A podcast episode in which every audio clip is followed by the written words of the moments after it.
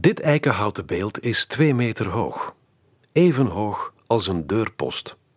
Dat is bovengemiddeld groot voor een middeleeuws beeld, maar dat heeft alles te maken met het verhaal dat hier gevat wordt in één bevroren moment.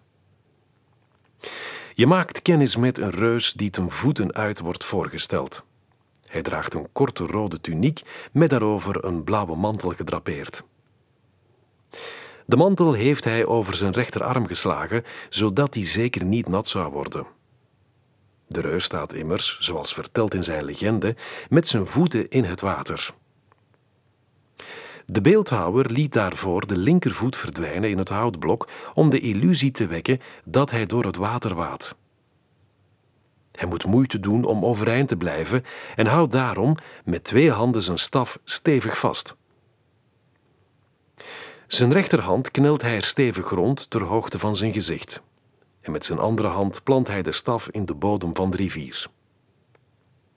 Zijn lichaam maakt een S-houding om zijn gewicht goed te verdelen en kracht te kunnen zetten op zijn linkerbeen. De oorzaak van deze krachtinspanning vind je terug op de schouders van de man. Hij draagt een jong kind met bijhorende bolle wangen, kleine krulletjes en gekleed in een witte tuniek. Het kind lijkt makkelijk zijn evenwicht te bewaren. Vanaf zijn navel torent hij uit boven het hoofd van zijn drager. Deze peuter vroeg de reus om hulp bij het oversteken van de rivier. Bij iedere stap die de reus zette, werd het kind zwaarder en kwam het water steeds hoger. Eenmaal aan wal maakte Jezus Christus zich bekend. De reus had niet enkel hem vervoerd, maar ook alle zonden van de wereld.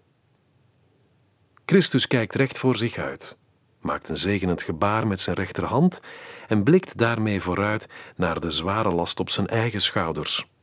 De legende van deze Christusdrager, beter gekend als de heilige Christoffel, staat niet in de Bijbel, maar was desondanks erg populair in de middeleeuwen.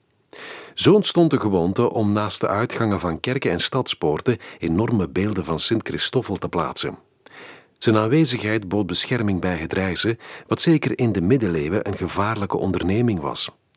Tot op de dag van vandaag is hij de patroonheilige voor reizigers en pelgrims.